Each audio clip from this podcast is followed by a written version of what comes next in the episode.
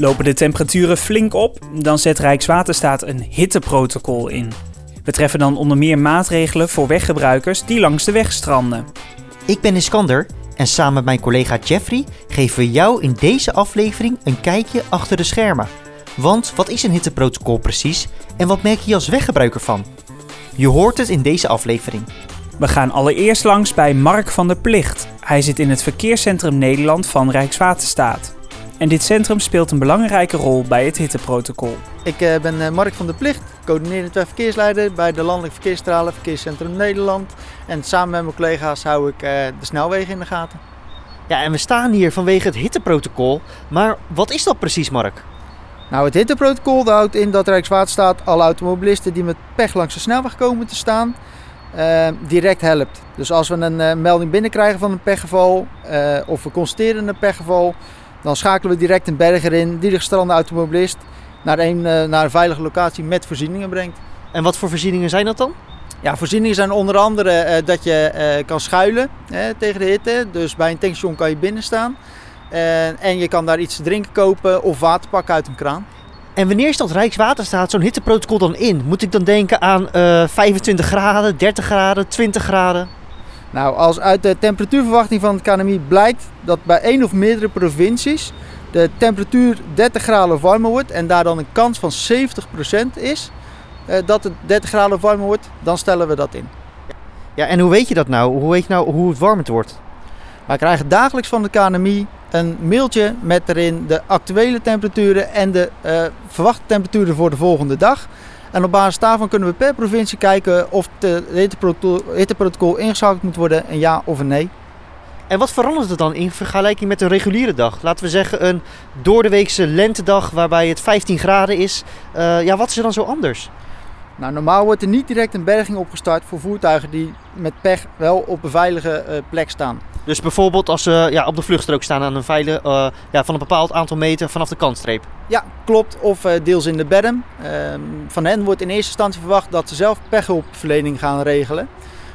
en daarnaast, mocht iemand met pech staan en er wordt toch een berging opgestart, dan wordt die normaal gesproken naar de eerst veilige locatie gebracht. Dus dat wil niet zeggen dat het een locatie met voorzieningen hoeft te zijn. Dat kan ook een carpoolplaats zijn waar over het algemeen geen voorzieningen zijn. De weersverwachting van het KNMI speelt dus een belangrijke rol bij het in laten gaan van het hitteprotocol. Maar hoe weet het KNMI nou van tevoren wat het weer in Nederland gaat worden? Ik ben Isse Homan en ik werk als veiligheidsmeteoroloog bij het KNMI.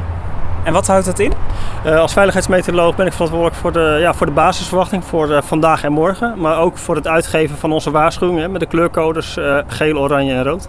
zie je hitte nou al ver van tevoren aankomen? Ja, we hebben natuurlijk ons, onze weermodellen. En het grote Europese weermodel die, die rekent twee weken vooruit. Nou goed, nu is een, een, periode van twee weken een beetje te ver vooruit. Maar voor de eerstkomende week kunnen we echt op grote schaal kunnen we zien of er hoge temperaturen voor Europa en met name Noordwest-Europa zitten aan te komen. En dan specifiek voor Nederland natuurlijk.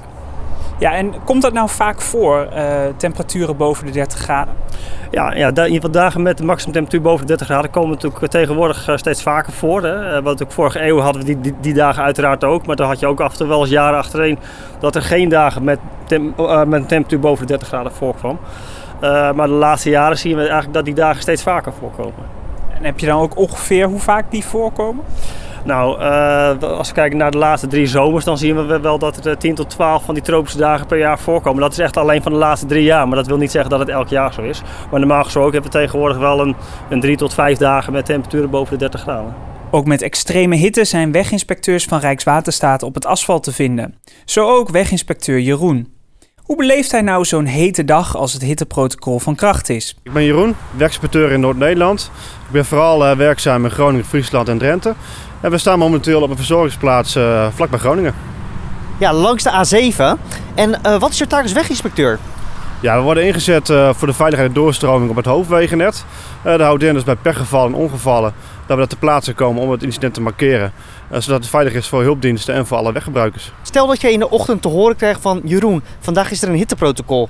Ja, wat, bereid je dan alles voor op je dienst? Nou, we krijgen s ochtends vroeg meestal een e-mailtje dat een hitteprotocol van kracht is. Dat kan per uh, provincie verschillen. Het kan zijn dat in Groningen wel een hitteprotocol van kracht is, maar in Friesland niet. Dat ligt aan bepaalde temperaturen waaraan wordt naar gekeken.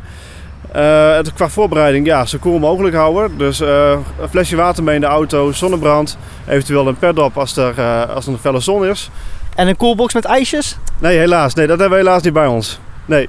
Ja, en nu zie ik ook ja, vanuit verkeerscentrale weginspecteurs vaak met, met een dikke jas aan. En ik kan me voorstellen, als je tijdens de hitte op het asfalt staat, dat het ook voor jou enorm warm is.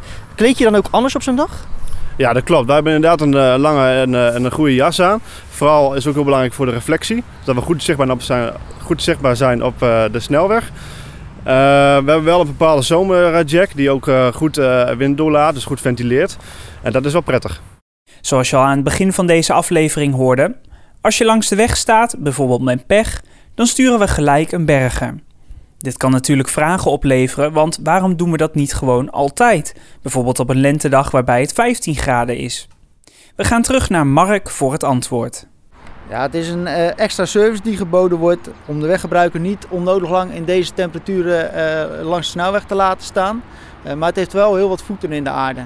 Want bergingsmaatschappijen die moeten wel zorgen dat de bezetting op orde is. Hè. Dus extra mensen nodig om zo snel mogelijk iemand naar zo'n voertuig te krijgen. Uh, en daarnaast uh, uh, ja, kost dat ook gewoon extra geld. Hè? De, de ritten die zijn ook langer voor die bergers. Ja, die kosten moeten gewoon gedekt worden. Ja, nu zijn er ook weggebruikers die denken wellicht van... joh, is dat niet allemaal overbodig zo'n hitteprotocol? Maar Mark, waarom stellen we dat dan in? Nou, Rijkswaterstaat vindt het onverantwoord dat gestrande weggebruikers bij hoge temperaturen in de volle zon langdurig moeten wachten. Um, je kan je voorstellen, het asfalt wordt door de zon nog warmer, waardoor het op kan lopen tot temperaturen van boven de 50 graden. Nou, dat, dat moet je niet willen. We gaan nog even terug naar weginspecteur Jeroen, want hij heeft nog een tip voor je als je met de hitte op pad gaat. Ja, moet je nou echt op pad met het warm weer, wat ik zeker begrijp. Uh, dan is het verstandig om eventueel een flesje water mee te nemen. Dus dat je vooral kan drinken mocht je ergens stranden. Uh, een paraplu, dan kan je mee een, een, schaduw creëren. Dus niet alleen maar tegen de regen, maar ook echt tegen de zon. Om uh, ja, jezelf te, te bewaken, dus voor de zon, om schaduw te creëren. Ja, precies. De hitte die neem je daardoor weg. Dat klopt.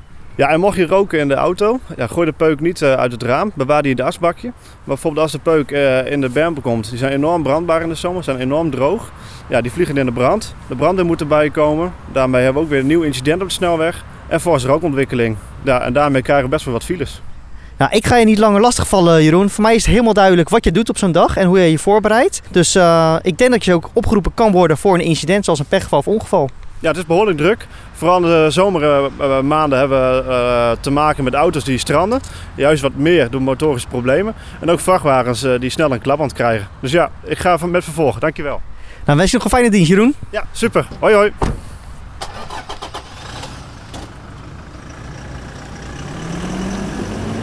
Ja, en daarmee zijn we aan het einde gekomen van een toch wel speciale aflevering van de podcast Wegwijzer over het hitteprotocol. Heb je vragen over de snelweg? Bel dan de landelijke informatielijn van Rijkswaterstaat op 0800 8002 of stuur een tweet naar RWS Verkeersinfo.